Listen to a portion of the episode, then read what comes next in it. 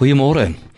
Ons tema hierdie week in hierdie tema stel ons die vraag: Bid ek slegs dat die Here my sal seën of bid ek ook dat die Here my sal laat begryp met watter rykdom ek reeds geseën is?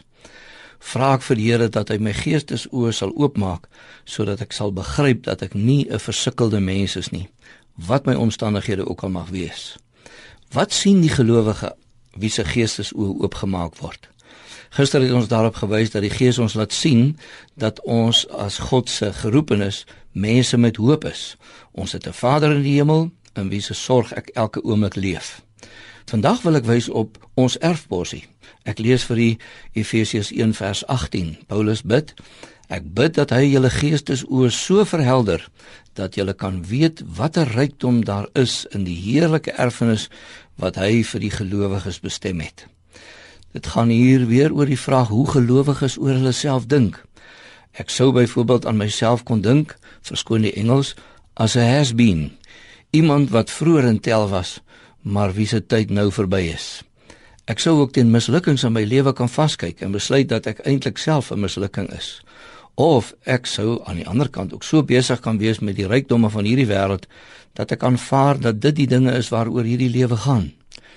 Die gebed hier in Efesiërs 1 is dat my oë as gelowige sal oopgaan sodat ek iets anders sal sien.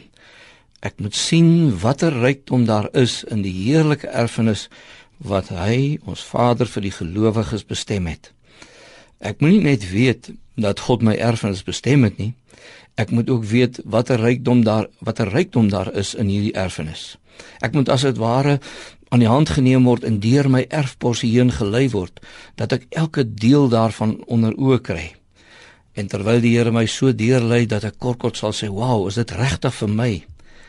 Die vraag wat 'n mens kan vra is, is hierdie erfporsie nie maar net iets vir eendag nie, maar dit het nou nie juist veel met vandag te doen nie. Het die rykdom van my erfporsie betekenis vir hierdie lewe waar ellende en swaar kry dikwels die septer swaai? Die antwoord is ja. Die ellende en swaar kry van hierdie lewe bepaal nie wie ek is nie.